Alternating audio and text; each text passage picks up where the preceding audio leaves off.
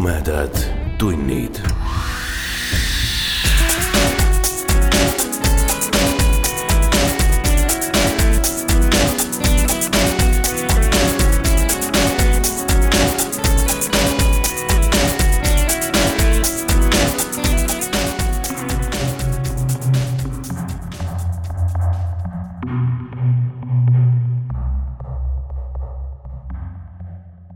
tere, hea ulmesõber. Te kuulete õudus- ja ulmejutu vestmis podcasti Tumedad tunnid seitsmeteistkümnendat päikesepühadele pühendatud osa.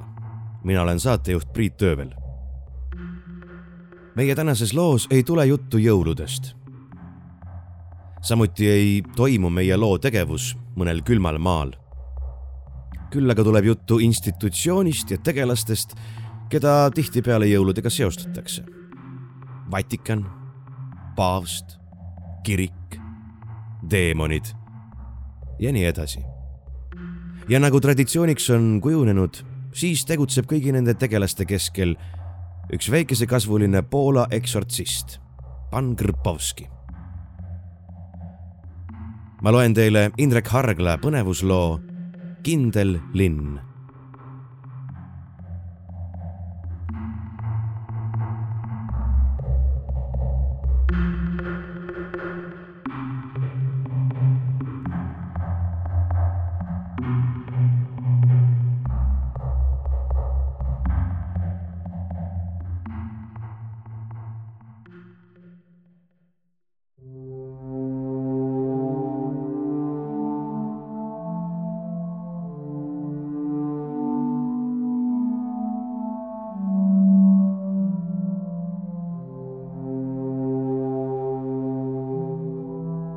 Ernesto oli need nahkrihmad ühest vanast panipaigast leidnud. ilmselt kasutati neid kunagi ratsastamisel, kuid see polnud oluline. rihmad sobisid oma uueks ülesandeks suurepäraselt. ta tõmbas need juba vilunult kinni, ise endiselt ladinakeelset palvet pomisedes. palvegi tuli juba üle Ernesto huulte soravalt, kuigi oli pikk ja keeruline ning kõneles asjadest, millest ta suuremat ei mõistnud ega oleks tahtnudki mõista kardinali randmetele olid juba eelmised korrad sooninud sinakad köitmisvalumid. ristiharud olid rihmad siledaks poleerinud. veel viimane tõmme ja sõlm peale. kui luud raksusidki, siis süümepiinu Ernesto enam ei tundnud. ta uskus, et talitas õieti, uskus, et kardinal teab, mida teeb. kinnises ruumis tõusis tuulepuhang ja kustutas hubisevad küünlaleegid. ta tundis kerget vibreerimist nüüd see algas. Ernesto põlvitas ja hakkas valjul häälel palvet lugema. tema ilus tenorhääl segunes rappumise ja karjetega. kinniste silmadega oli kõik isegi õudsem. ta ei tahtnud ega söandanudki enam vaadata. kardinali pea peksis teadvusetult vastu puuristi. keha tõmbles meeleheitlikus vastuhakus. tema väljaheitepidurid vallandusid pingutusest. täna kestis see kauem kui eelmistel kordadel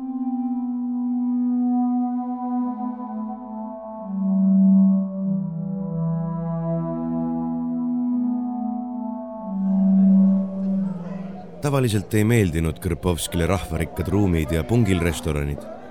ta eelistas vaiksemaid ja reserveeritumaid kohti.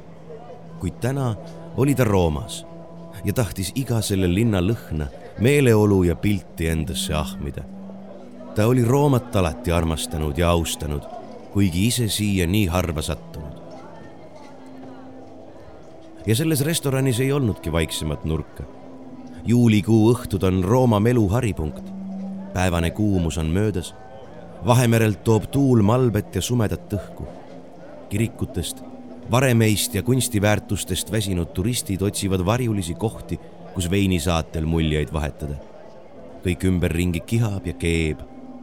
ja need lõhnad. igal linnal on omad lõhnad, arvas Krpovski. lõhnad täis hurma, salapära ja peibutust. kuid Rooma lõhnab ikkagi kõige erilisemalt see pole Pariisi muretu akordioni lõhn, Londoni asjalik õlleparfüüm või Moskva nukrutsev bensiinivingune papli aroom.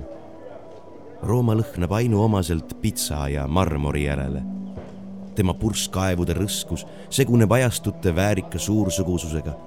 hangib endale mozzarella peene ja terava alltooni ja paiskab sulle lõpuks ninasõõrmeisse Kapitooliumi karge hõngu. Segab selle roomlaste pisut kiirelt ja hakitult räägitava keelelõhnaga. ja muidugi lõhnab siin ka tugevalt vere järele, väga tugevalt. kelner tõi neile kannuga majaveini.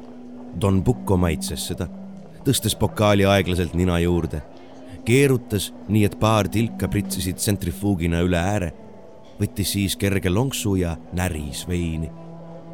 Kelnerist lõhnas sobimatult tugevalt Fahrenheiti järele. veini lõhna Krpovski aga ei tundnudki. millegipärast ei moodustanud vein Rooma buketist talle olulist osa. paistis, et Don Bucco jäi pakutavaga rahule. nüüd tellis ta sööki. Krpovski oli palunud midagi lihtsamat ja mahedamat ilmselt osutus selleks tomatite ja sibulatega hautatud antrekoot. Don Pucco eelistas lambakotlette Brüsseli kapsaga. ütle neile, et küüslauku ka kindlasti oleks, oli Krpovski palunud. Don seletas, et ilma küüslauguta ei valmistata siin ühtki rooga, kuid igaks juhuks lasi ta kelneril tuua ka küüslauguga pakette. ah jaa, muidugi oli siin veel roosilõhna. Nad istusid tänavapoolses servas mis sagijate voolust oli varjatud ronirooside aiaga. Lilled olid väiksed ja roosad. Krpovskile ei tulnud sordi nimi kohe meelde, kuid ta mäletas täpselt, et samu seemneid oli ta kümmekond aastat tagasi otsinud ja neid lõpuks alles Triestest leidnud. ja need roosid sobisid nii hästi kõrvallauas istuva kahe tüdrukuga, kes pidevalt valjult lõkerdasid. tüdrukud jõid veega lahjendatud valget veini ja lõpetasid lõherooga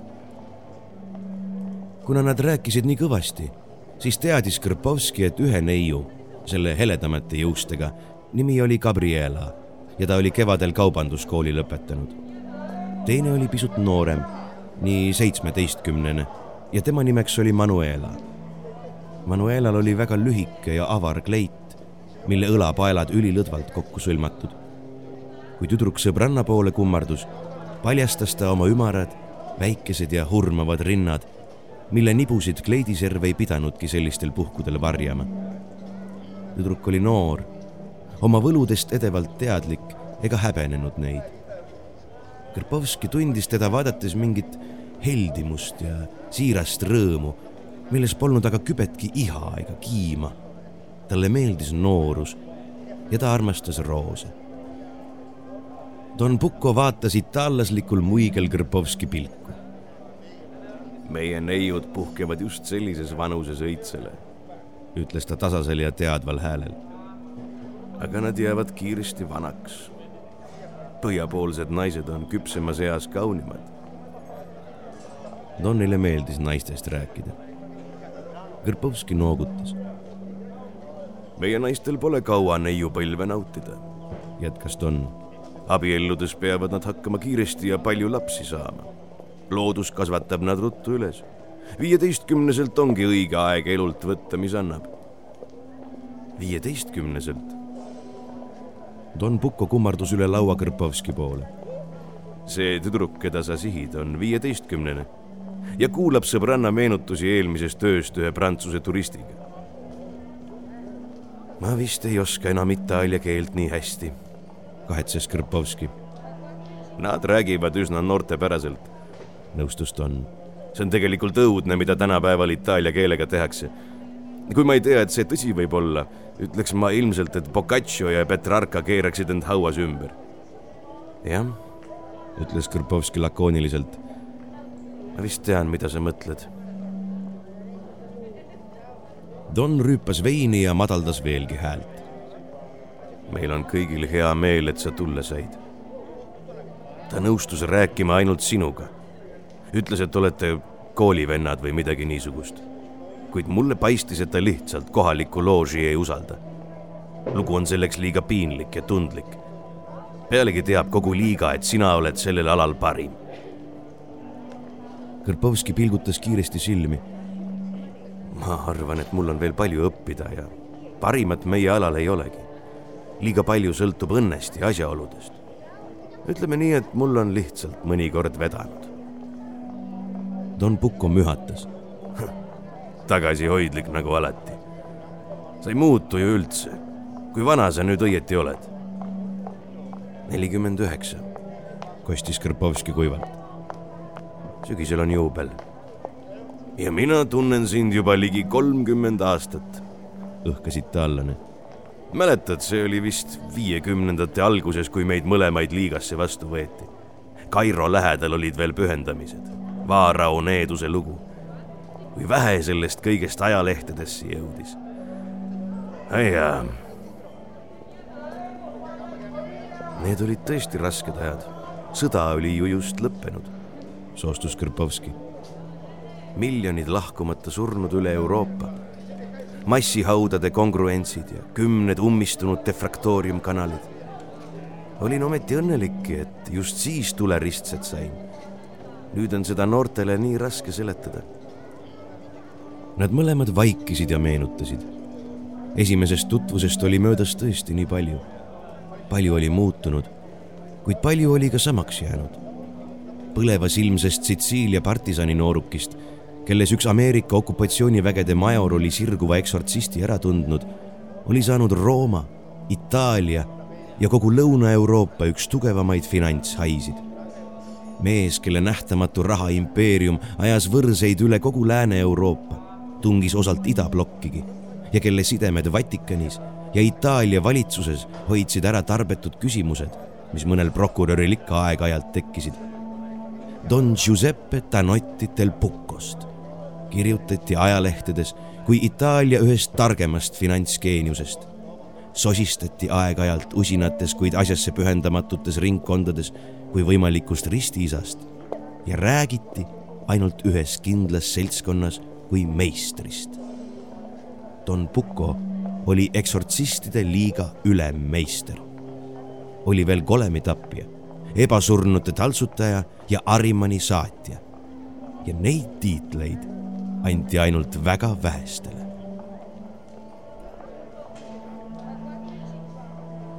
Don Pucco liirid, naelad, dollarid ja margad olid need, mis hoidsid liigat vee peal tegid võimalikuks selle töö, mida on tehtud juba sellest ajast, millest kõnelevad vanad pärgamendirullid arhiivis, mis on vanemad kui surnumere äärest leitud õpilaste kirjavigadest kubisevad etteütlused ja Vatikani vanimad tekstid. niisiis Vatikan, küsis Krpovski lõpuks. seda võis oodata, see sobib talle kuidagi. arvad, et tegu on jälle suure jahiga kui Don oligi üllatunud, ei näidanud ta seda välja. kahtlustan seda, aga ei arva veel. lõppeks on ju viimasest korrast seitse aastat ja paavst on vana. kuid siin Roomas, siin, kus on liiga peakorter, ta peaks ju teadma. Rooma on kindel linn, viimane kants. Kõige ebatõenäolisem koht, kus ta võiks üritada üks kindel linn ja varjupaik pomises Krpovski mõtlikult. tead, selles võib isegi midagi olla. mida sa silmas pead? Ah, lihtsalt üks uitmõte. võib-olla mitte midagi. mulle on su uitmõtted alati meeldinud. kelner tõi neile toidud. restoranis keerati muusika valjemaks. Tüdrukud kõrvallauas olid otsustanud juba lahkuda, kuid nüüd hakkasid kostma hakkavale laulule kaasa kõõrutama Nad ei osanud inglise keelt, kuid refrääni teadsid nad kuulmise järgi. Only seventeen, young and sweet, hõiskasid nad rõõmsalt kaasa ja Manuela tegi Krpovskile kelmikalt silma. muretu ajastu, tähendas Krpovski. Ilmselt nii hakatakse seda aega kunagi kutsuma. kõik on nagu paigas ja välja kujunenud Teil ju streigitakse. kah mood, mis muud. Hear the beat of the tambourine, yeah, yeah. See that girl, watch the scene, dig in the dancing queen. sul on homme kohtumine kardinaliga. ta ootab sind oma villas. Viin su autoga sinna ja tulen pärast järgi. ta tahtis ainult sind. ole ettevaatlik mida on mul kindlas linnas karta? Rooma jääb Roomaks. iga õige sitsiillane pelgab pisut seda linna. ettevaatlikkus ei tee kunagi halba. You are the dancing queen. tegelikult päris ilus laul, mõtiskles Krpovski kuuldavalt. Peaks tütre tütrele selle plaadi ostma. poolakeelset muusikat enam ju ei kuulata. Don kallas endale veel veini mm ma ei pea sulle ülesande diskreetsust rõhutama. kogu Vatikan on niigi ärevil. paavst on suremas. keegi minuga rääkida ei julge. ma ei tea täpselt, mis neil seal toimub. selle pead sa enne välja selgitama. Kuigi paljud ei taha seda liigas tunnistada, on minugi võimalused Vatikanis piiratud. ära muretse, kostis Karpovski. sa oled Vatikani alati liiga tõsiselt võtnud. amet on selline, amet kohustab see, et ma nende rahasid liigutan, ei tähenda veel, et nad mind täielikult usaldavad. torises Don Pucco. liiga meister asus juba sajandeid Roomas. tegelikult sellest ajast alates, kui katoliiklik maailm Rooma paavsti kummardab. Vatikanile tuli lähedal olla. Neid oli tarvis oma tegemistest teadmises hoida. liiga ei vaadanud kunagi katoliku kiriku eksortsistide peale kui usurpaatoritele, kuigi mõneti selline alus liigal ju oli kolmandal sajandil asutas kirik eksortsistide institutsiooni, et end ristide laskjate hingest kuri väim välja ajada. selline komme oli vana, tuli judaismist, Egiptuse usundist ja suurel määral zoroastrismist, kes kõik kurja vaime uskusid. ja kui kanoonikud kunagi piiblit kompileerisid, kirjutasid nad kõikidest religioonidest, mida teadsid, kokku mingi hookuspookuse langenud ingleist, teemoneist ja kurjadest vaimudest loomulikult käis kogu supi juurde ja vürtsiks eksortsist. liiga vaatas uute amatööride teket rahuga pealt ja teeb seda juba ligi paar tuhat aastat. Kirik juhtis nende raskelt töölt tähelepanu kõrvale ja tegeles ainult enda välja mõeldud teemonitega. õieti nendega, mis teistest muistseist usunditest inimesele arusaadavasse keelde ümber pandi katoliku eksortsistid ei osanud kunagi harilikku skisofreeniat tõelisest seestumisest eristada. ja kui neile isegi tõeline teistpoolsusest eksinud olend ette juhtus, käsitlesid nad seda ladinakeelsete palvete, hariliku joogivee ja puust ristiga ning aimamata, et sellelaadsel atribuutikal oli ka kunagi mingi tegelik sisu olnud. Kreeka keelest tõlgiti loitsud ladinasse, kogu süsteemi korrastati vastavalt kristlusele Vatikan vaatas sajandist sajandisse konkureerivale organisatsioonile üha leebemalt. enam ei põletatud tõelisi eksortsiste tuleriidal. Ei keerutatud neid rattal ega torgitud kuumade oradega.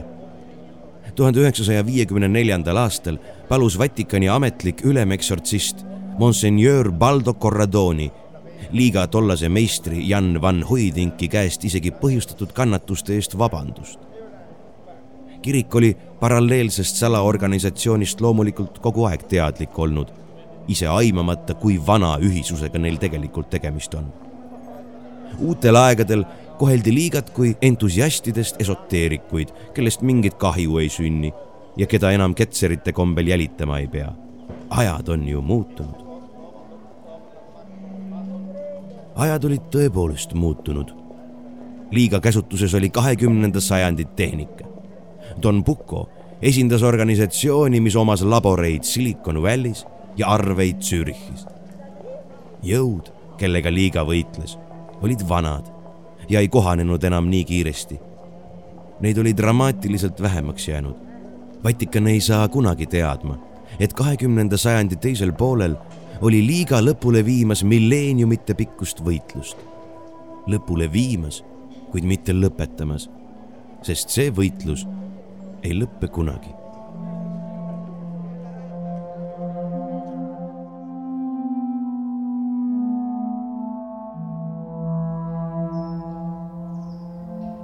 Erariides munk juhatas Krpovski läbi Sireli aia villa taha terrassile, kus kardinal Lato varjualuses ajalehte luges.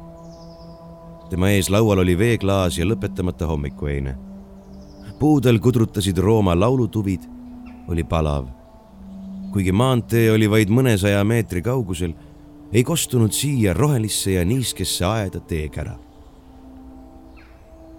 Krpovski kandis truult halli ülikonda ja kerget suvekaabut. Ta higistas, aga talle meeldis see. Lato vaatas samme kuuldes raja poole ja tõusis.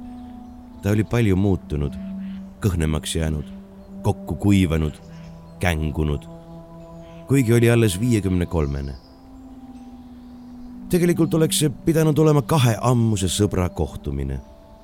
noorpõlvekaaslasi kohates unustavad inimesed nendevahelised tegelikud suhted. läbi aastate meenub ainult inimene. See kõik oli ju nii ammu. muidugi olime me sõbrad, kuidas siis.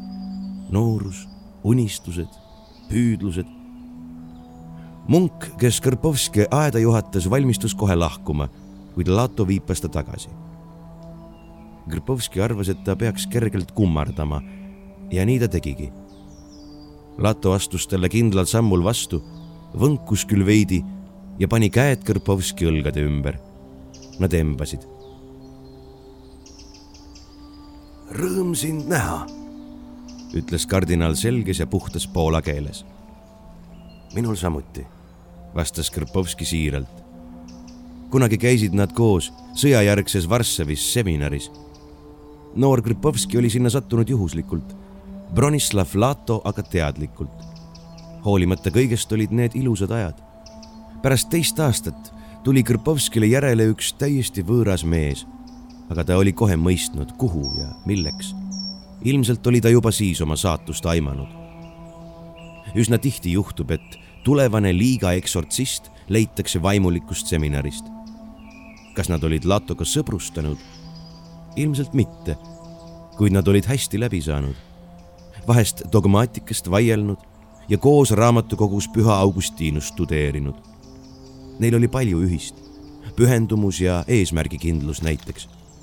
Grpovski polnud kunagi kahelnud, et Latost tuleb hea preester. Lato osutas laua kõrvale seisvale vabale toolile. Nad istusid. see on Ernesto ütles Lato oma teenrile viidates. ma soovin, et ta jääks siia. sul ei ole midagi vastu. ta teab niigi kõike. Poola keelt ta ei oska, aga on vaja, et ta siia jääks. Loomulikult ei olnud Krpovskil selle vastu midagi. ta sirutas end korvtoolis mõnusalt välja. sul on väga ilus elamine, ütles ta. mõju avaldav villa. käib ameti juurde mina vajan ainult vaikust ja rahu. luksusest ma tõepoolest ei hooli. Kripovski uskus teda. ma kardan, et meil pole palju aega, jätkas Lato. Ametlikult olen ma praegu haige. osalt vastab see tõele, ma ei tunne ennast tõesti hästi. aga jätame meenutused teiseks korraks. kas sa tead, miks ma sind kutsusin? Puko oli napisõnaline vastas eksortsist. ilmselt pole temalegi palju räägitud. no, ainult mina olengi temaga ühendust võtnud. meie enda ülemeksortsisti ma ei usalda. Vähemalt praegu mitte. ja sa tead, miks? Krpovski teadis. paavst oli haige voodis, oli suremas. paavstil oli vähk. Vatikan kihas ja oli ärevil. kui vähegi andis ei usaldanud keegi kedagi. see algas kaks kuud tagasi, alustas kardinal. esimene kord oli viieteistkümnenda mai hommikul. Olin peegli ees ja ajasin habet. minu ees oli klaas kuuma veega. äkki, äkitselt hakkas nagu mingi kerge vibratsioon, ma nägin seda veeklaasist selgesti. lõikasin sisse käsi värahtas, nagu oleks keegi lükanud. siis tundsin tugevat tõuget ja lõin pea vastu peeglit, mis mõranes. ka laubalt hakkas verd voolama. ajasin end püsti ja keerasin toa poole. loomulikult oli see tühi. Aga ma olin ehmunud ja ärevil. see oli esimene kord. Grpovski noogutas. kas aken oli lahti? küsis ta siis ma arvan, et jah, nõustus kardinal pärast mõttepausi. oli väga palav. hästi. mis edasi sai? järgmine kord tuli see õhtul, sel samal õhtul. Siis ma sain juba aru, olin kabinetis ja kirjutasin. paavst oli juba nädala jagu haige olnud, tööd oli palju. trükkisin masinal üht teksti ja olin üpris väsinud. algas kõik jälle vibratsioonist ja, ja siis paisati mind laua tagant ümber. kukkusin koos tooliga ajasin end vaevu püsti, kui juba tuli uus tõu-, tõuge ja ma lendasin vastu seina. aga toas ei olnud mitte kedagi. Müra peale sööstis Ernesto alt üles ja temagi nägi, kuidas mind mingi jõud vastu seina surus ja raputama hakkas. ma ei teadnud siis, mida täpselt tundsin, ma ei tajunud kontakti. Latto vaikis hetkeks, võttis lonksu vett eksortsist pani tähele, et peale väikest sõõmu valas Ernesto klaasi kiiresti triiki täis. aga enam ma ei kahelnud. see oli saatan, kelle jõud hakkas minu sisse ronima. olin kurjuse jõudude poolt välja valitud. olin šokis. selline asi on võimatu. Läheb lahku kõigest, mida kirik teemonitest teab ma tean üldjoontes sinu seisukohti, Mitšislav, ma tean, mida teie liiga arvab, kuid katsu ennast nüüd panna minu olukorda. Krpovski katsus. Sellepärast ta küsiski ettevaatlikult. oled sa mõelnud, et see võis olla lihtsalt nõrkushoog, üleväsimus, liigtöötamine või kehv veresus? on ärevad ajad palju tööd ja närvilisust. närvilisus ei tõsta sind kohalt õhku ega peksa vastu seina. üleväsimus ei torma kiirrongiga sinu sisse. Nõrkushoogu ei hoia eksortseerimispalvet tagasi ja kehv veresus ei tule vibreerimise saatel. see on teemon, mu sõber, ja sa tead seda. ta hakkas tulema tihedamini algul korda nelja päeva jooksul, siis ülepäeviti. ja alati algab see vibreerimisega. tunnen peapööritust ja siis haaravad mind kellegi nähtamatud käed. tõstavad üles, pillutavad mööda tuba. ma hakkan vappuma ja värisema, nagu Ernesto räägib, sest ma ise kaotan teadvuse ja peale valu ja kohutava väsimuse ei mäleta ma midagi. ma ei suuda selle teemoniga suhelda aga ma väsin, Mitšislav. olen kurnatud ja kaua ma enam vastu ei pea. mida sa oled ette võtnud? ma palvetan ja Ernesto palvetab. Ja see on kõik? mul on keldris altar. seal on suur puust rist. iga kord, kui näen veeklaasis kerget vibratsiooni, jooksen keldrisse Ernesto seob mind nahkrihmadega risti külge ja pisardab ruumi püha veega. ja ma palvetan seni, kuni suudan. siis jätkab Ernesto üksi. tavaliselt me saame tast jagu, aga ta tuleb tagasi ja iga kord tugevamana. ma ei teagi, kes meist rohkem kannatab, mina või Ernesto. ja kõigest hoolimata pöördud sa abi saamiseks liiga, mitte Vatikani ülemeksortsisti poole. sa tahad küsida, kas minu usk on vankuma löönud? ei, mitte seda ei tahtnud ma küsida. Sa tead, et meile on kõik abipalujad sõltumata usust võrdsed ja meie kaanonite järgi pole religioonil teispoolsuse jõududega vähimatki pistmist. ma tahan teada, miks ei kasuta sa katoliku kiriku abi kes on endale ise sellisteks puhkudeks jõu ja õiguse võtnud teemonitega toimetulemiseks. Lato ohkas sügavalt. sest, sest sellist asja ei saa juhtuda, nagu minuga praegu toimub. Pole kunagi juhtunud, et saatan oleks proovinud seestuda tõelise uskliku hinge kiriku õpetus räägib, et teemonid haaravad hingi, kes usuvad valesti, on sooritanud usuga kokku sobimatuid akte või pole üldse end Jumalale pühendanud. preestri hinge ei saa seestuda. see on absurd. Jah, katolik kirik uskus vankumatult, et on tegevusi ja mõtteid, mis meelitavad saatanat. ja kurja väljaajamine ehk eksortsism kasutab ju ainult palveid ja püha toimega esemete väge. Krpovskile meenus üks vana kodukandi kõnekäänd. milleks puid metsa vedada? saatan ei saa haarata korralikku usklikku hinge, saati siis veel Vatikani kardinali oma. Sa kardad, et sind hakatakse süüdistama usust taganemises? uuris Krpovski. saatanal on tugev ja tegev jõud ta on olemas. ta pole midagi, mille üle vaielda. ta võib teha kurja kaitsmata hingele, sellele, kes pole end Jumalale pühendanud. tal on vaja hingi, et neid Jeesus Kristusest eemale meelitada ja igaveseks põrgu tulle paisata. ma ei karda enda pärast. Ma kardan kogu usu pärast. ma vist ei mõista sind võib-olla Puko ei öelnud sulle. võib-olla ta ei teagi. aga minu kõrvu on jõudnud kuuldused, et mitmed ringkonnad on uue paavsti kandidatuuri suhtes kokkuleppele jõudmas. paavst on ju veel elus. just nimelt, veel elus. Seepärast sellest avalikult ei räägitagi hääletus on küll salajane, aga alati on tehtud eelnevaid kokkuleppeid. kes see väljavalitu siis on?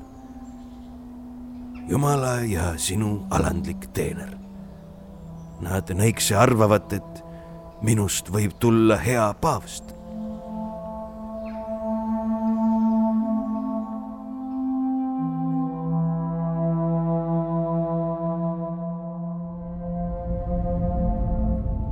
Puko võttis ta Lato villa eest peale ja küsis, kuhu sõita. Kõrpovski mõtles hetke.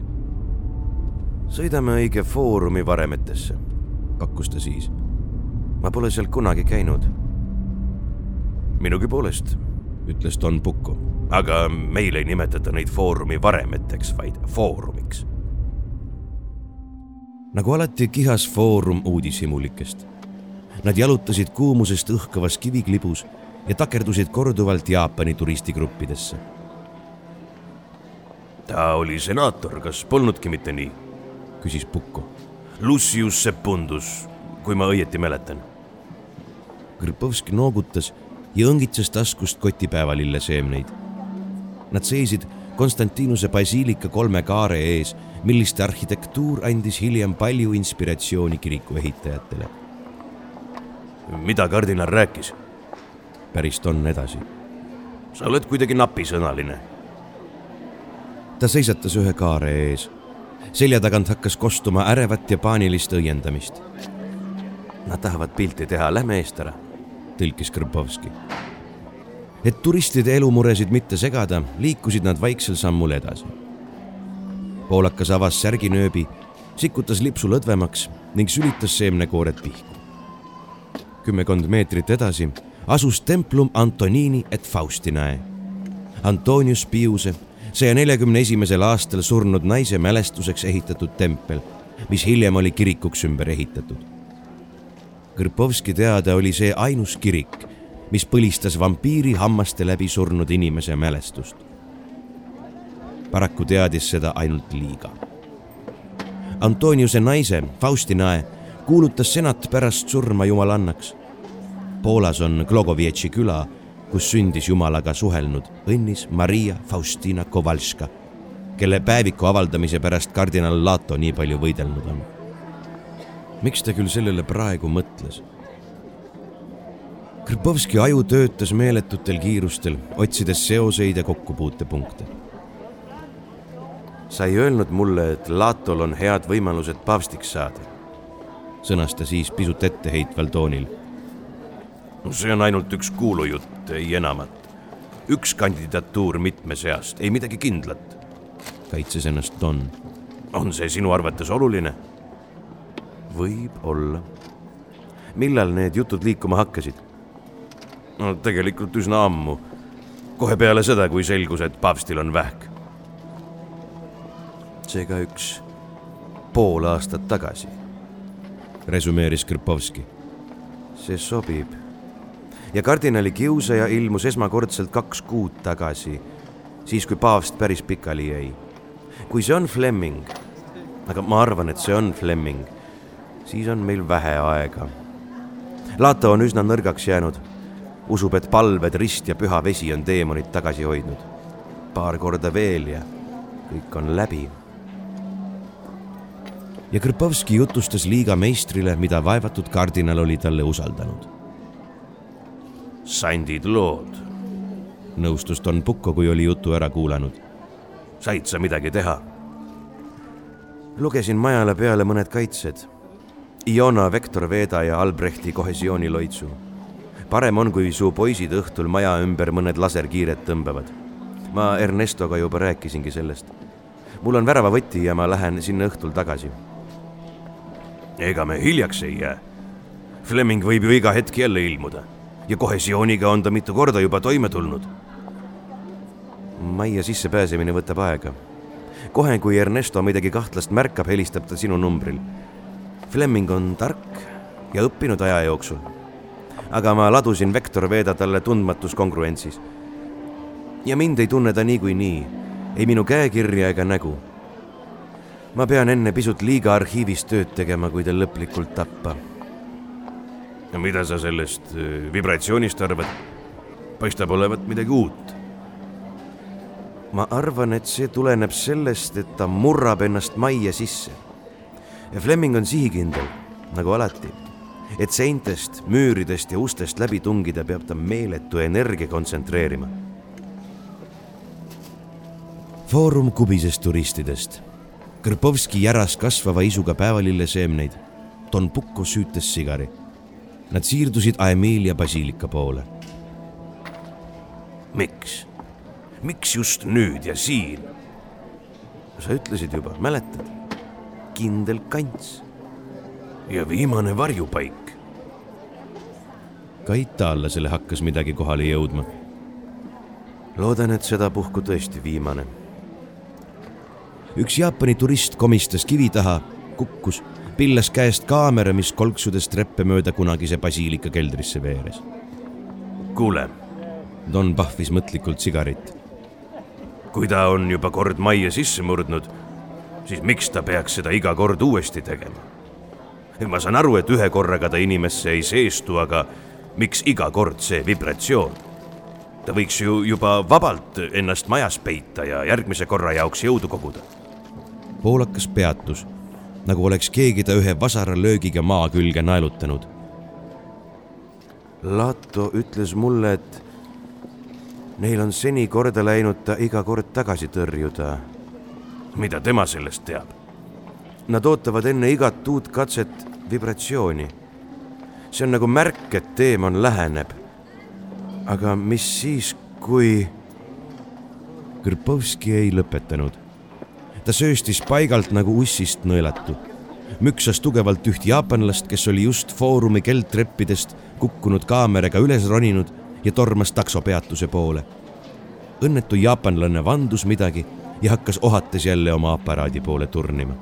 Don Pucco jooksis sõbrale järele.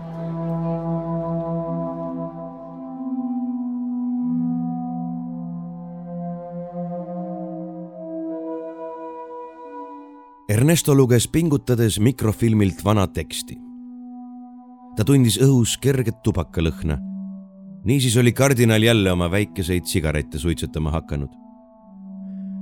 Rituale Romanumi, tuhande kuuesaja neljateistkümnendal aastal paavst Paulus viienda käsul välja antud eksortsistide käsiraamatu originaali oli liiga ohtlik Vatikani raamatukogust kaasa tuua. eriti nüüd, kus kõik kõigi iga liigutust teraselt jälgisid ta oli arhiivist vaid mikrofilmi kaasa haaranud ja õppis nüüd sellest palveid pähe. Ernesto ees laual oli pilgeni täis veeklaas. samasugune oli ka korrus kõrgemal kardinali kabinetis. Nad pidid oma kiusajast võitu saama. ta kuulis sumedat põntsatust, pigem tajus seda. aeglaselt ajas ta ennast püsti ja läks vaatama. kui ta kartiski, siis oli ta unustanud, kuidas seda teha.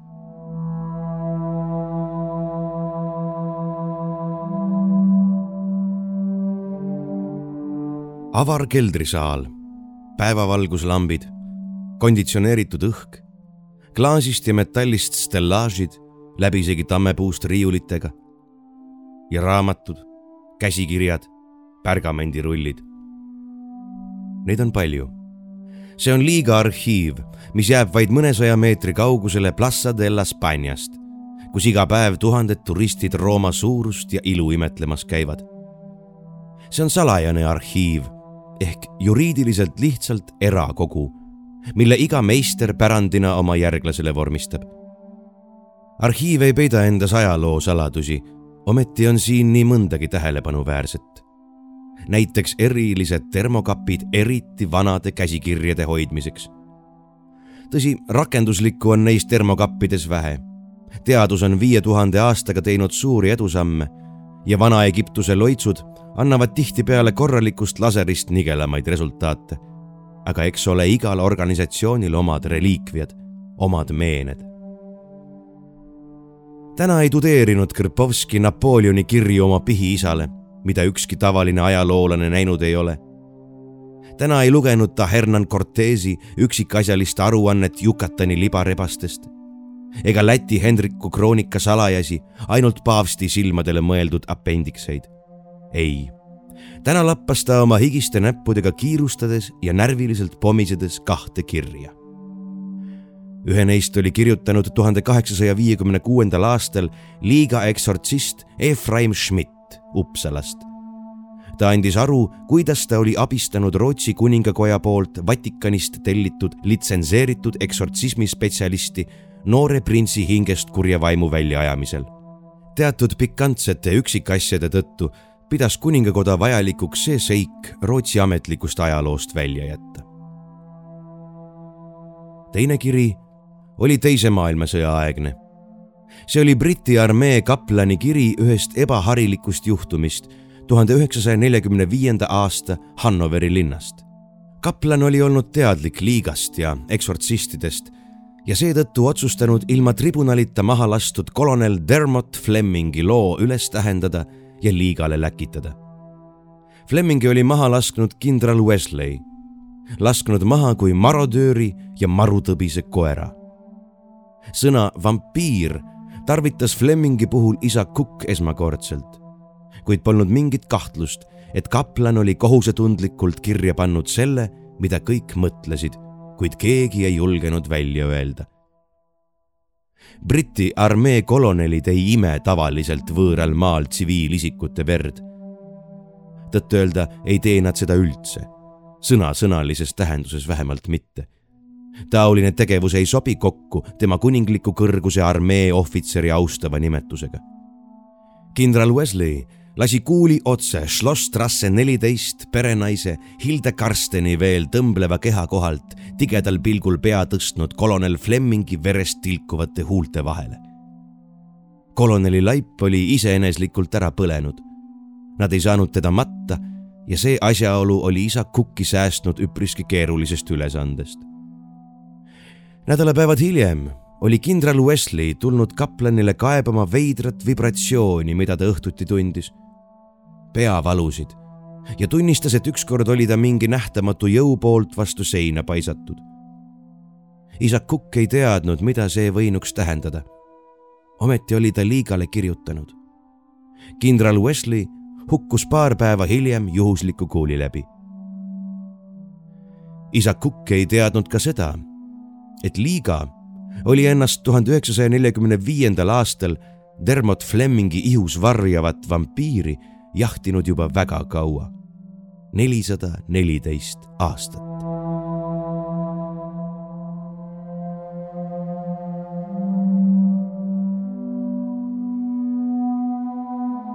kardinal Lato villat valvasid neli kandiliste lõugadega tursket sitsiillast Neile olid antud väga täpsed instruktsioonid. nii kui nad kuulevad või näevad midagi ebaharilikku, midagi sellist, mis ei viita Vatikani kardinali elamise igaõhtusele rutiinile, see tähendab vaikusele ja rahule, peavad nad kohe raadiosidega Don Pukoga ühendust võtma. majja sisse ei tohi kedagi lasta. parem, kui ka sealt keegi välja ei kipu. Ainult elektroonikuharidusega Silvano teadis valvemeeskonnast ainsana midagi keerulise ehitusega karpidest, mida nad minibussis toidetava alajaamaga villa müüridele paigaldasid. Silvano ise jäi bussi ja kontrollis kuvareid sisse tohtis majja lasta ainult Don Puko poolt salasõnaga varustatud isikut. salasõna oli eeben ja isik väikest kasvu kikkis vurrudega hallis ülikonnas Donni sõber, poolakas Mitšislav Kõrpovski. Te tunnete ta kindlasti ära, oli Don öelnud. ta kannab alati valgeid sokke. salasõna järele polnud vajadust. kell kakskümmend null neli peatus villa ees Donni enda limusiin millest koos selle omanikuga ka sokkide välkudes väike poolakas välja tormas. käes hoidis ta pungil sakvoyaaži. mehed avasid oma võtmega värava ja sööstsid aeda. bussi uksest vaatas ehmunud näoga Silvano. Tema aparaadid polnud küll midagi kahtlast registreerinud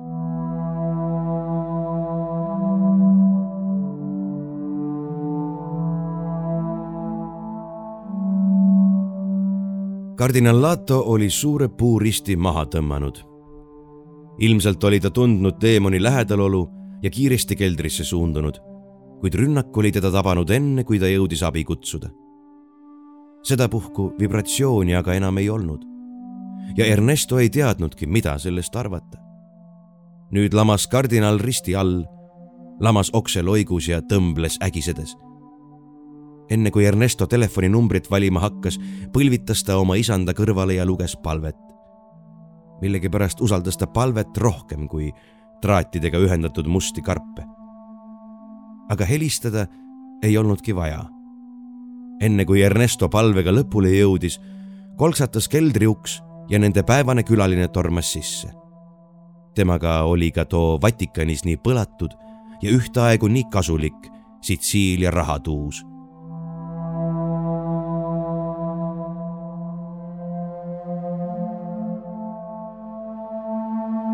eksortsistid ei tee imet. Nad kasutavad vaid neid samu vahendeid, mida ka jõud, kellega nad võitlevad. keegi ei tea, kes oli esimene eksortsist. Nad on alati olemas olnud. olnud siis, kui tärkav ristiusk üritas omi püha tekste kokku seades kujutada põrgut ja saatanat iidsete Egiptuse ja Babyloonia salateaduste motiividel olnud siis, kui kirik leidis süsteemsetest skeemidest vaid usukarmuse konstrueerimiseks tarvilikud kujundid. ka katoliiklik kirik on aegade jooksul suutnud kasvatada asjalikke eksortsiste, tõeliseid manajaid. Need on olnud aga harvad erandid. mida rohkem on inimene klammerdunud inimeste endi poolt välja mõeldud teoloogilistesse dogmadesse, seda rohkem on ta ka hüljanud teistpoolsuse asjade tegelikku olemust kirik ei näe teemoneid väljaspool ristiusku.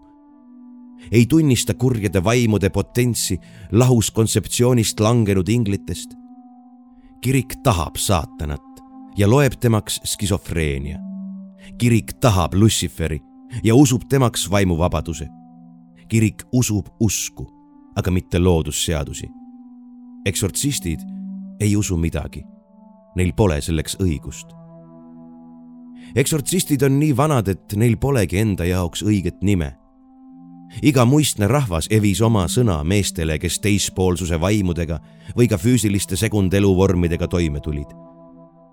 Arhiivis on küll säilinud mõned viited esialgsetele nimetustele, kuid kreekakeelsest eksorkisainist tuletatud eksortsist on sajandite vältel suupäraseks ja mugavaks kujunenud. eks tähendab välja horkisein loitsuga köitma ja tuleb sõnast horkos, loits. esimesed eksortsistid ei omanud tehnikat. Neil olid ainult teadmised ja võimed. Aga aegupidi maailm areneb. inimene õpib kasutama elektrit, looduslikku loitsu, mis mõjub ühel määral kõigile. ja loodus ei tee oma loomingu vahel vahet. üks reegel, üks oskus või võte on aga eksortsistidele alati omane olnud. väljaloitsija peab pakkuma oma hinge või ihu töödeldavale energiale. ja edasine sõltub juba õnnest, oskusest ja vahest ka tehnikast. eksortsist ei tee imet, ta on harilik inimene ja inimesena on talle omane enesealalhoiu instinkt. kuid kui inimene kasutab seda nii kaua kui võimalik, siis eksortsist nii kaua kui vajalik.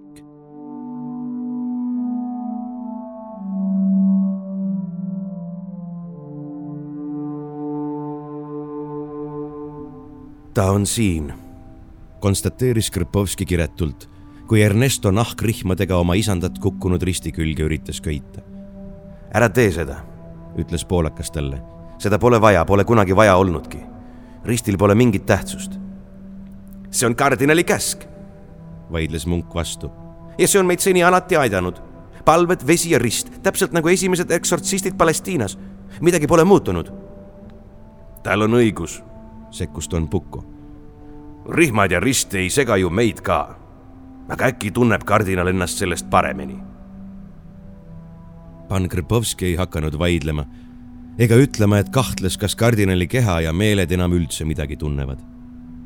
vastuse asemel avas ta oma sakvojaaži ja tõstis sellest portatiivse raadiosaatja, kõrvaklapid, inimnahast mütsi ja teemantnoa. Ernesto sidus kardinali randmed tugevalt risti külge proovid äh, Sakamura menetlust? uuris Don. see peaks töötama. Fleming pole veel täielikult kohanenud. aga teisel katsel tuli ju Sakamura. mul pole teist valikut. ma tahan, et Bronislav ellu jääks. kas teil majast relvpuuri on? viimane küsimus oli esitatud Ernestole.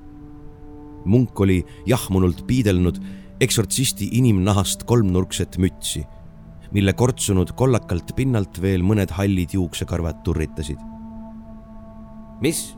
jah, vist on küll, kas toon? ja tooge ja ka kõige pikem ja teravam puur. ühtlasi paluks teil kiirustada.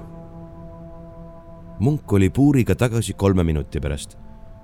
selleks ajaks oli Krpovski endale mütsi ja kõrvaklapid pähe pannud, raadiosaatja tööle lülitanud ja lähenes teemantnoaga üha vähem elumärke näitavale kardinalile Pucco rebis Ernestolt trelli, katsus puuri teravust, ühendas selle siis vooluvõrku ja pöördus poolaka poole. palju meil aega on? mitte üle poole tunni. tööta raadioga. Ernesto, nüüd kuula mind ja tee kõik, nagu ütlen.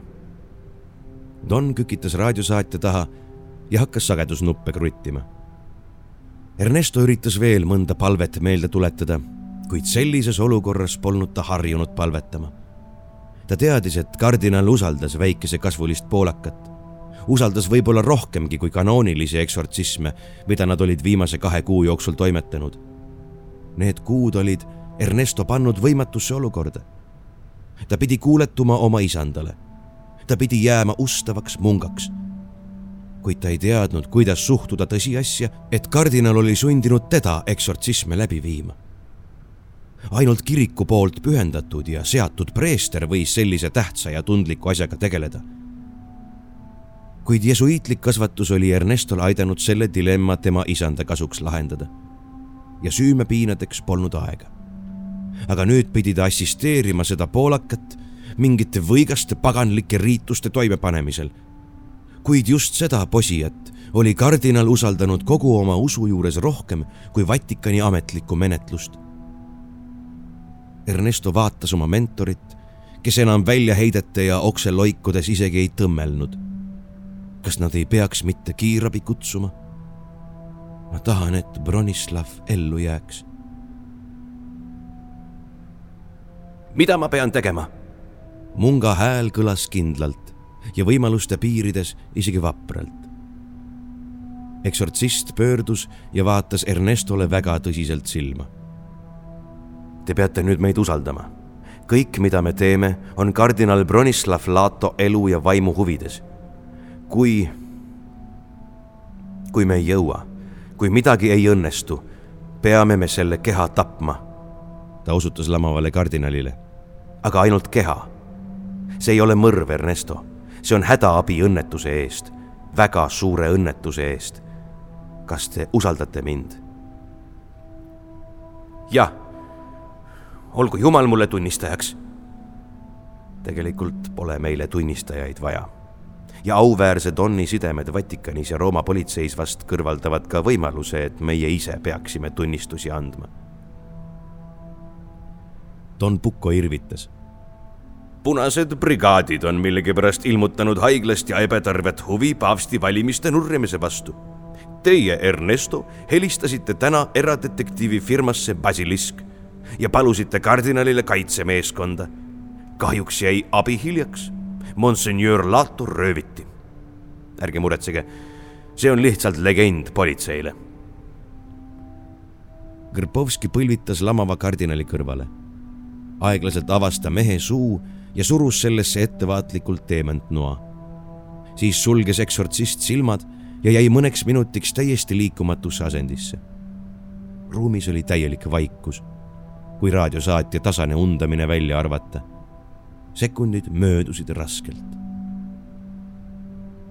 Krpovski hakkas kergelt värisema.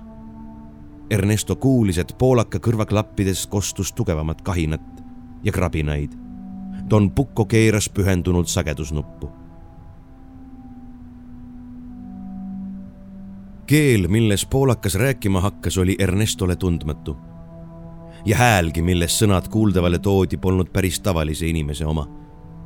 see tuli kurgu põhjast, oli ilma igasuguse intonatsioonita.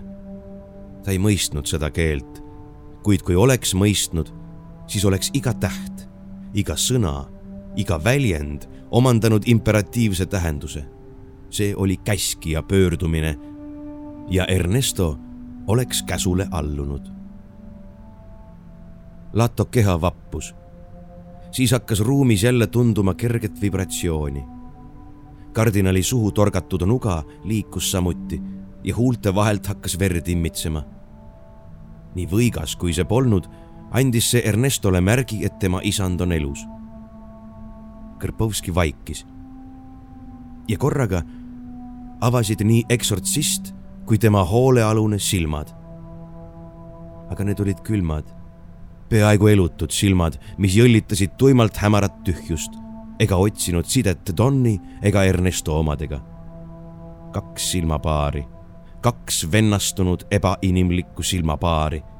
palve tõusis iseenesest Ernesto huulile, aga jäi kuhugi kinni vibratsioon tugevnes ja Krpovski hakkas värisema.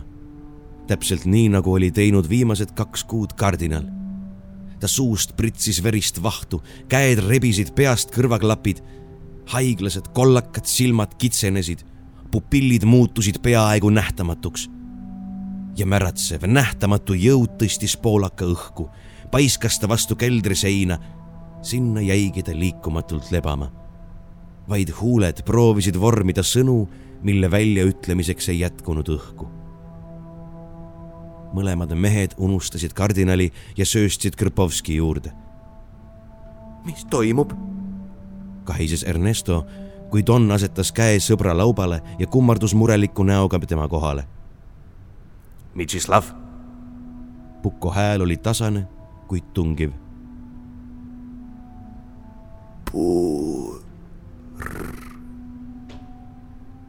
Sõnad, ei, tähed, mis vahuste huulte vahelt olid pomisetud ja eksortsist ei avanud oma silmi.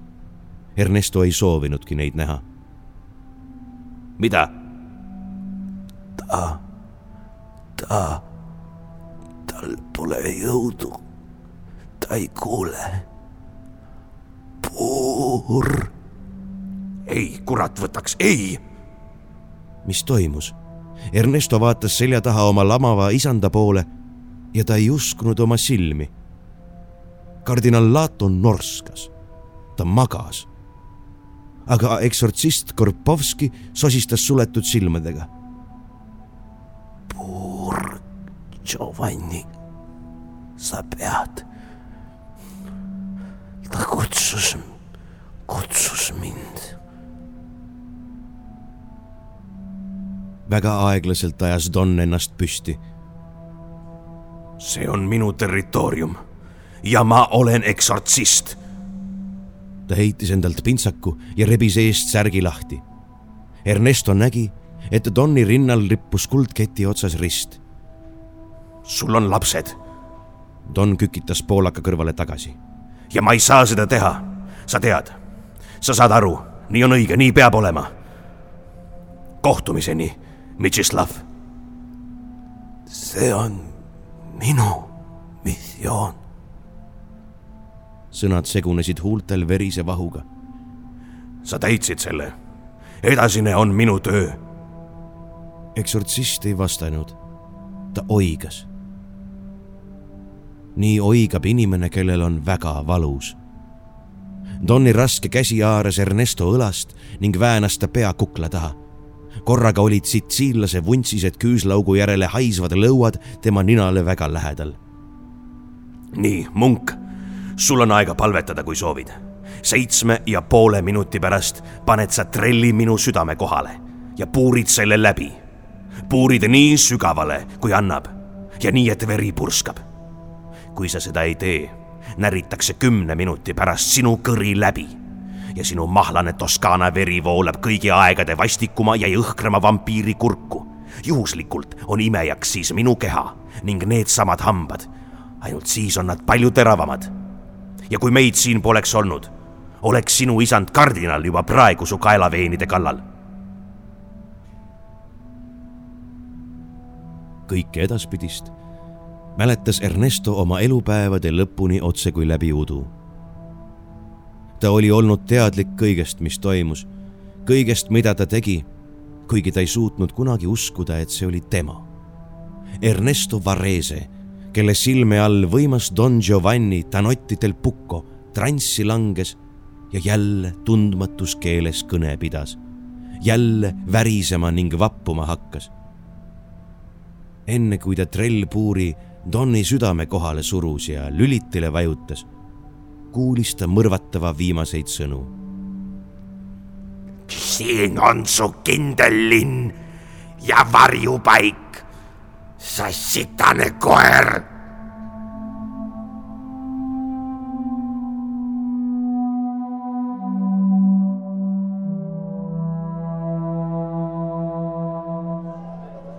aga öeldud on, et tema pärast on kõik asjad taevas ja maa peal loodud, nii nähtavad kui nähtamatud. Kõik võimud või riigid või valdused, kõik on loodud Kristuse läbi ja Kristuse pärast. ta on kõigi asjade ees ja taga ja tema sees saab kõik üheks ma ei taha teiega vaielda, Ernesto, kuid minu mäletamist mööda pole piiblis sõnagi, kus ja millal inglid on loodud. ja teie usu järgi on ju teemonid saatana inglid. ikkagi, keeldun ma seda kõike teie moodi mõistmast. Need peavad olema saatana trikid. Ta on teid ära nõidunud ja uskuma pannud asju, mida pühakirjas pole. me ei usu tegelikult midagi. me teeme oma tööd. see oli seesama restoran kus neli nädalat tagasi oli Krepovski oma sõbra Doniga einestanud. Don Pucco jäänused olid nüüd maha maetud, maetud avamata kirstus, nagu enamiku eksortsistide säilmed. kardinal Lato oli Püha Franciscuse haiglas ja paranes, paranes jõudsalt. ilm Roomas oli aga muutunud. soojus ja päike olid maad teinud pehmetele tuultele. lõunast hakkas vihma tibutama Nad olid tellinud suure kausitäie spagetti carbonarat ja pudeli Sitsiilia Montaglione veini. ja selle veini lõhna Krpovski tundis. sest Montaglia oli Don Pucco sünniküla. valge vein lõhnas kohuse ja autunde järele. Krpovski ei joonud alkoholi tavaliselt. täna mälestas ta aga oma hukkunud sõpra. nii, ärge saage minust valesti aru jätkas Ernesto pisut vabandaval toonil. aga mul pole õigust piibliga seotud asju sellest lahus tõlgendada. ja ainus viis jääda ausaks usu ja oma kogemuste vastu on näha kõike saatana trükkidena. Kas mitte seda pole kirik juba kaks tuhat aastat tõe väänamiseks teinud? kogu oma lugupidamise juures ma kaotasin sõbra Ernesto, saage sellest aru. ma ei süüdista teid Te pidite Giovanni keha tapma, muud võimalust ei olnud. ja ma usun, et teie silmad tunnistasid üsna veenvalt, et te ei tapnud enam inimest. Ernesto ei tahtnud meenutada, aga ta teadis, et ta ei pääse selle pildi eest kunagi. Te võite seda pidada saatanaks või kelleks tahes. Pole teie süü, et kirik ei tunnista kurja väljaspool kanoonikat, rääkis poolakas edasi, niisutades aeg-ajalt huuli hõrguveiniga. vampiir ei ole langenud ingel, kuid pole minu asi teile seda selgeks teha. kuid me tegelikult ei näinud ju ühtegi vampiiri ma olin tunnistajaks ainult asjadele, milliseid on alati kirjeldatud kui kurja vaimu poolt keha haaramist.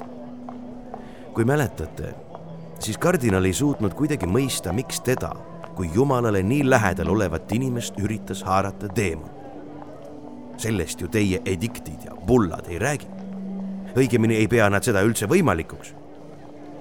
satanat ei ole olemas ja aitab sellest. kui soovite, annan ma teile kogu tõe. Kui mitte, siis sööge oma makarone ja mälestage vapraimat ja üllaimat inimest, keda kunagi olete näinud. Need ei ole makaronid. spagetil ja makaronil on suur vahe.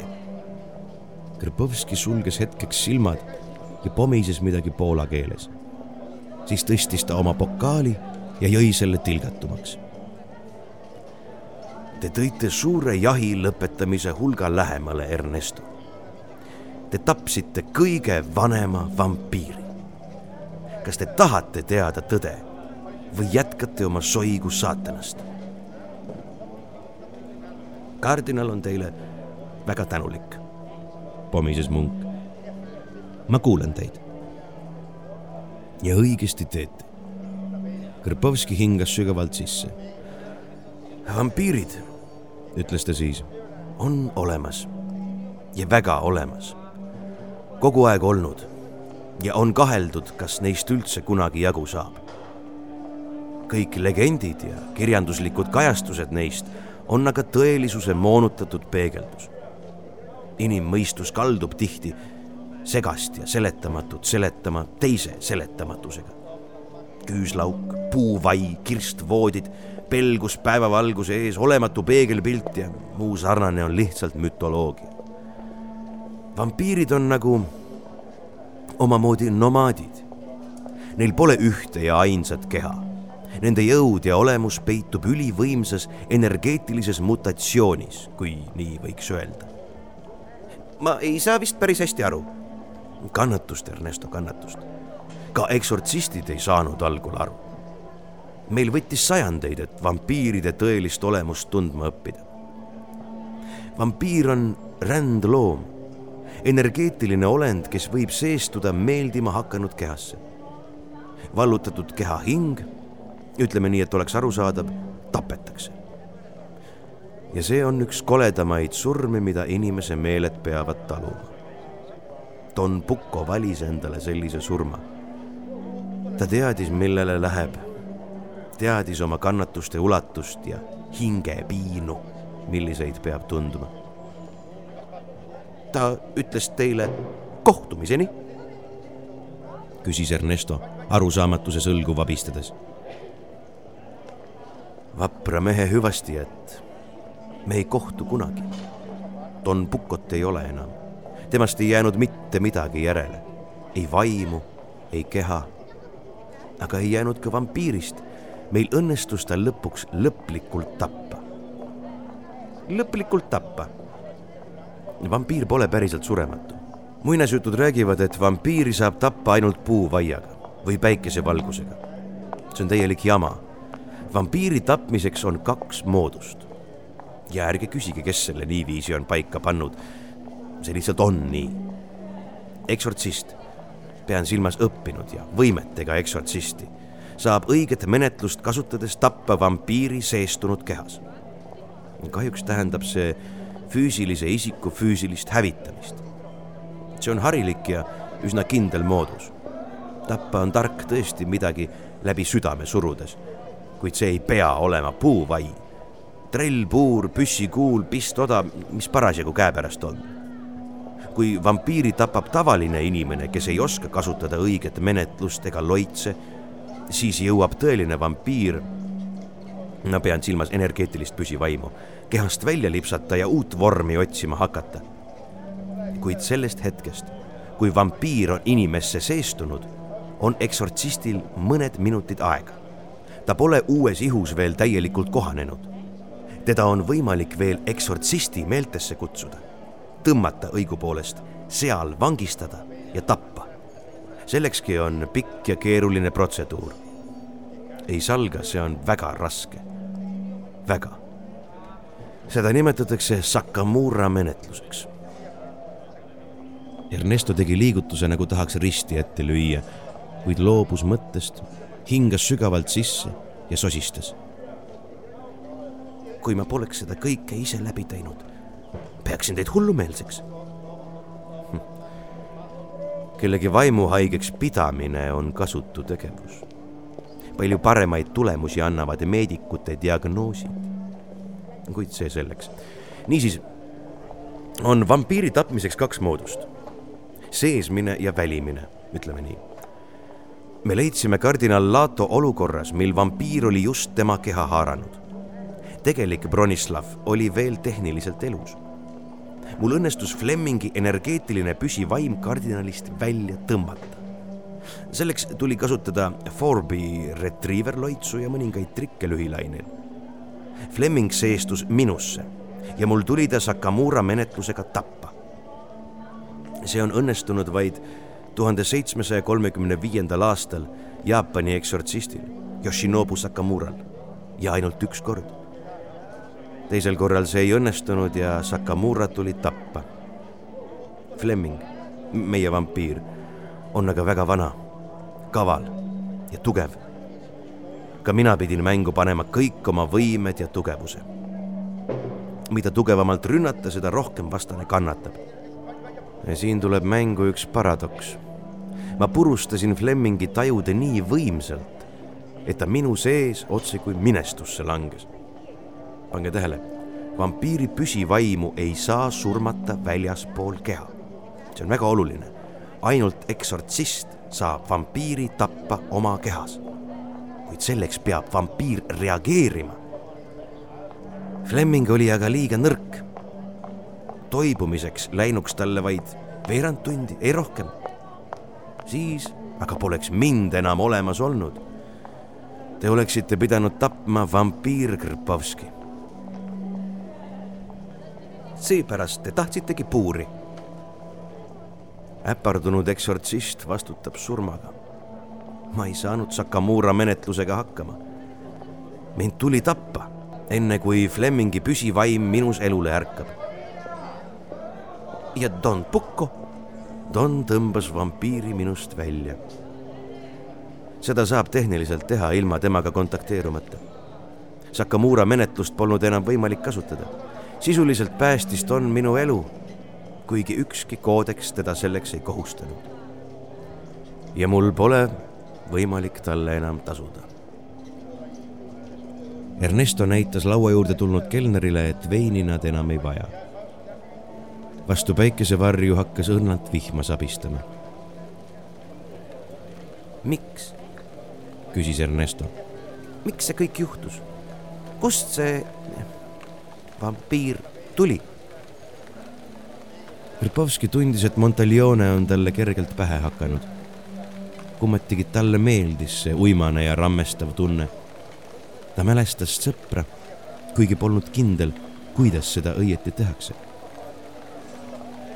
ma ei tea, kust nad on tulnud. keegi ei tea. vampiiri energeetiline püsivaim vajab inimese keha, vajab verd. tegemist on üsnagi võimatu biogeneetilise mutatsiooniga. keha, kuhu on seestutud, on mõnes mõttes surnud. Ellujäämiseks on tarvis regulaarselt uut verd ja nad hangivadki seda. võrdlemisi traditsionaalsel moel muide. kaelaveen, hambad sisse kõige kummalisem on see, et vampiir tahab olla inimene. tema püsivaimul on inimlikud vajadused. eksisteerimine energeetilisel kujul on vampiiride jaoks nagu pool elu, midagi unetaolist. Mõned eksortsistid on arvanud, et nad on inimrassi moodustamisel üle jäänud või kõrvale heidetud hinged. võite siit oma religioosseid teooriaid edasi arendada, kui soovite. Need värdjad on kogu aeg olemas olnud kuid tänu liiga tegevusele on neid pidevalt vähemaks jäänud. pisut üle neljasaja aasta tagasi algas suur jaht. me kuulutasime vampiiridele sõja. miks just siis? Oli see seoses protestantlusega? Ernesto oli eksortsisti jutust haaratud ja katsus kaasa mõelda. katoliiklase aja arvamine seadis aga omad piirid. Krpovski lõi tüdinult käega. minge oma protestantlusega. umbes sel ajal hakkasid eurooplased maailma avastama. Teie tekstid peaksid pajatama, kuidas kirik ohjeldamatult uute maailmade religioone ja teadmisi hävitas. Meie omad aga kõnelevad kontaktidest eksortsiste oli ka Aafrikas, Ameerikas, Polüneesias. liiga agendid sokutasid end avastuslaevade pardale ja purjetasid oma missioonil. leitud teadmistega õnnestus meil vampiiride elust ja olemusest mõndagi tuvastada. vampiire oli kõikjal üle maailma. Te räägite pidevalt meie vormis, nagu oleksite ise neist sündmustest osa võtnud. Ka meie oleme kogu aeg olemas olnud nelisada aastat on lühike aeg, Ernest. suur jaht, mis sellest sai? sellest tuli sõda merel, maal ja taevas. sajandeid vältav sõda. ei mingit armu. me hakkasime vampiire hävitama. selle sajandi alguseks loeti Euroopas umbes paarkümmend isendit. ma ütlesin, et vampiiridele on omased inimlikud vajadused eurooplastest vampiirid ei soovinud kodumandrilt eriti lahkuda. iga püsivaimu unistuseks on leida oma karakterile vastav keha ja selles võimalikult kaua elada. senikaua, kuni keha kasutamiskõlbmatuks muutub. sureb? jah. ei verevahetus ega bioenergeetika ei suuda takistada kudede vananemist. iga aastaga me tõmbasime ringi koomale teated tühjaks imetud laipadest saladuslikud kadumised, seestumistunnused. me jälitasime neid. ja nüüd on neid üsna vähe alles. üks kõige kardetavamaid ja vanemaid tegelasi selles seltskonnas oli ka meie hiljutine tuttav. me kutsusime teda viimase teadaoleva keha järgi Flemmingiks. umbes kolmkümmend viis aastat oli Flemming kadunud ja nüüd ta ilmus. ikka ja jälle Roomasse. kuidas ta seda linna armastab kunagi ta oli siin senaator, jalutas Foorumis, pidas orgiaid, mürgitas ja tappis sõpru. ta peab end roomlaseks, kas teate? teab ja tunneb seda linna. ja viimased kümme aastat on ta Itaalias üritanud. liiga oli valvel ja ta tunneb ka oma jälitajate võtteid. Fleming kavaldas meid üle. saatan ongi valelik tal on tuhat nägu ja must tuhat alatut trikki. ta teadis, katkestas Krpovski kiiresti Ernesto mõttelõnga. et varem või hiljem me peilime ta välja. ta põgenes ja tungides kardinali, jättis ta mulje, nagu üritaks pidevalt majja murda. tegelikult oli ta ammu majas sees. Te ootasite vibratsiooni ja selle puudumisel ei osanud midagi karta.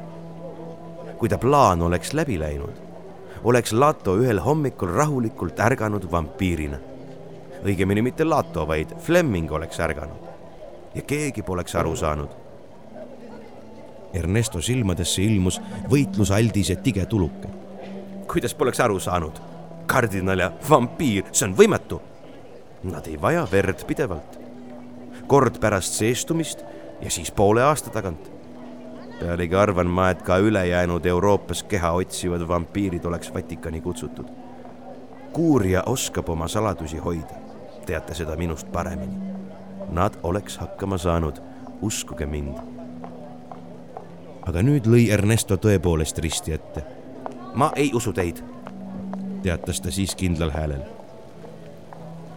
Teie otsustada. mul pole tõendeid, ma ei sunni teid midagi uskuma. vihm tihenes.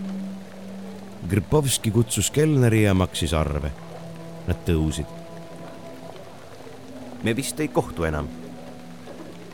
küsis Ernesto krae hõlmu koomale tõmmates. ma loodan, et mitte, kostis Krpovski sõbralikult. mida te edasi teete? mina lähen hotelli, võtan ühe kuuma vanni. hommikul on len-. eksortsist vakatas ja vaatas ehmunult kella. kuulge, kell on kaheksa läbi. oh, poed on juba kinni, eks ole? Suuremad küll, mida teil vaja oli? kohe ma. Krpovski sobras taskutes, kuni leidis väikse kägardunud sedeli. mitte ei jää see nimi meelde. ta otsis rinnataskust prillid ja luges. Tom ja Jerry. üks on kass ja teine hiir. peab olema igas mänguasjapoes. Ernesto kehitas õlgu. kass ja hiir, mänguasjad.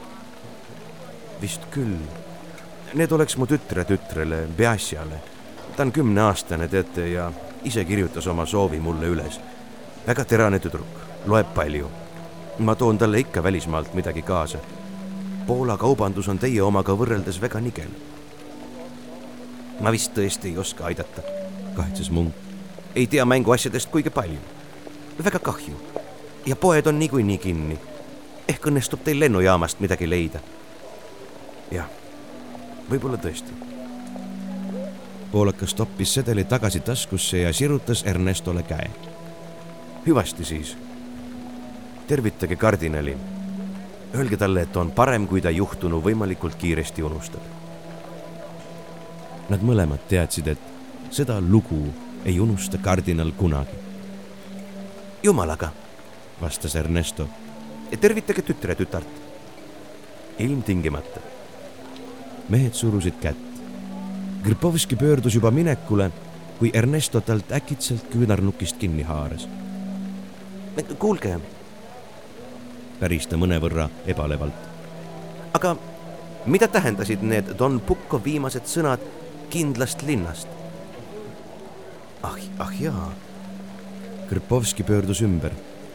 mõtlesin, et mõistate isegi. ma ju ütlesin, et me jahime neid halastamatult ja te ise, ma mõtlen, kirik, ju kehtestas selle, mille järele Fleming nüüd ilmus. ma ei mõista. asüül, varjupaigaõigus, üks kindel linn ja varjupaik, mäletate? kants, kuhu vaenlane iial ei pääse. vankumatud müürid, mille vahel end ohutuses tunda mehed seisid tugevas kesksuvises Rooma sajus eemalt kostus saju eest pakku minevate turistide lõbusaid hõikeid. Ernesto nägu vajus hirmust pikaks, kui eksortsisti sõnade mõte ta teadvusesse jõudis. just nimelt, muigas Krpovski süngelt. vampiiride püsivaimud tunnevad, kuulevad ja teavad nii mõndagi. Lato on järgmine paavst ja ühele Roomat armastavale vampiirile pole paremat varjupaika kui paavsti keha. Rooma paavst on kõige paremini kaitstud inimene maailmas. mitu korda rohkem kui Ameerika president näiteks. ja muresid on hulka vähem. ta oleks Lato teadvusest ammutanud vajalikku informatsiooni, et järgmised viiskümmend aastat rahulikult paavsti kohuseid täita. ringreisid, mugav elu kuurjas oleks olnud veel mõned vampiirid mõnikümmend liitrit verd aastas. keegi poleks aru saanud. kellelegi poleks pähegi tulnud, et paavst võib olla Fleming. ja isegi kui oleks, ei pääseks liiga iialgi Rooma paavsti kallale. mitte iialgi. üks pisiasi jäi Flemingil kahe silma vahele. Lato tundis mind ja kutsus mind appi. aga paavst paavst on püha, mitte vampiiride jaoks. religiooniga pole neil vähimatki pistmist. trellpuur on krutsifiksist palju kindlam vahend. aga seda teate juba omast käest. niisiis, jumalaga